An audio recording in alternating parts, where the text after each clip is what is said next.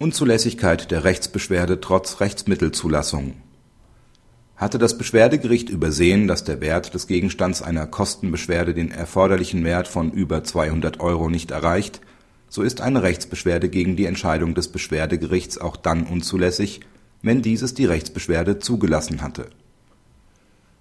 Gegen den Kostenfestsetzungsbeschluss des Landgerichts, mit dem 195,43 Euro der angemeldeten Kosten abgesetzt worden waren, hatte der Kläger sofortige Beschwerde erhoben.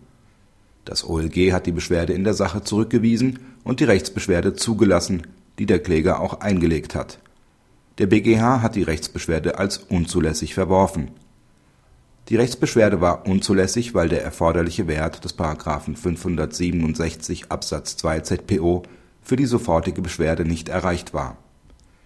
Das OLG hätte daher bereits die sofortige Beschwerde verwerfen bzw. als Erinnerung an das Landgericht zurückgeben müssen.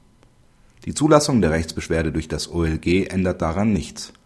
Eine Bindung des Rechtsbeschwerdegerichts an die Zulassung gemäß § 574 Absatz 3 Satz 2 ZPO besteht nicht, weil eine Entscheidung, die vom Gesetz der Anfechtung entzogen ist, auch bei irriger Rechtsmittelzulassung unanfechtbar bleibt die Bindungswirkung der Rechtsmittelzulassung umfasst bei der Rechtsbeschwerde ebenso wie bei der Revision nur die Bejahung der in den § 574 Absatz 3 Satz 1 und § 543 Absatz 2 ZPO genannten Zulassungsvoraussetzungen.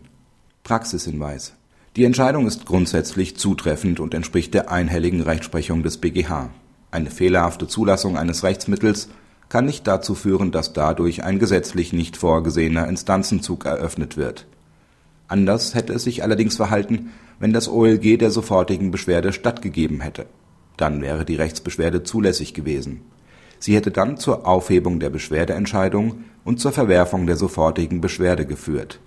Fehlerhafte Zulassungen der Rechtsbeschwerde durch die Beschwerdegerichte kommen häufig vor Insbesondere im Verfahren der Streitwertbeschwerde wird regelmäßig die Rechtsbeschwerde zugelassen, obwohl das GKG und das FAM-GKG sie gar nicht vorsehen und darüber hinaus ausdrücklich anordnen, dass eine Beschwerde an einen Obersten Gerichtshof des Bundes ausgeschlossen ist.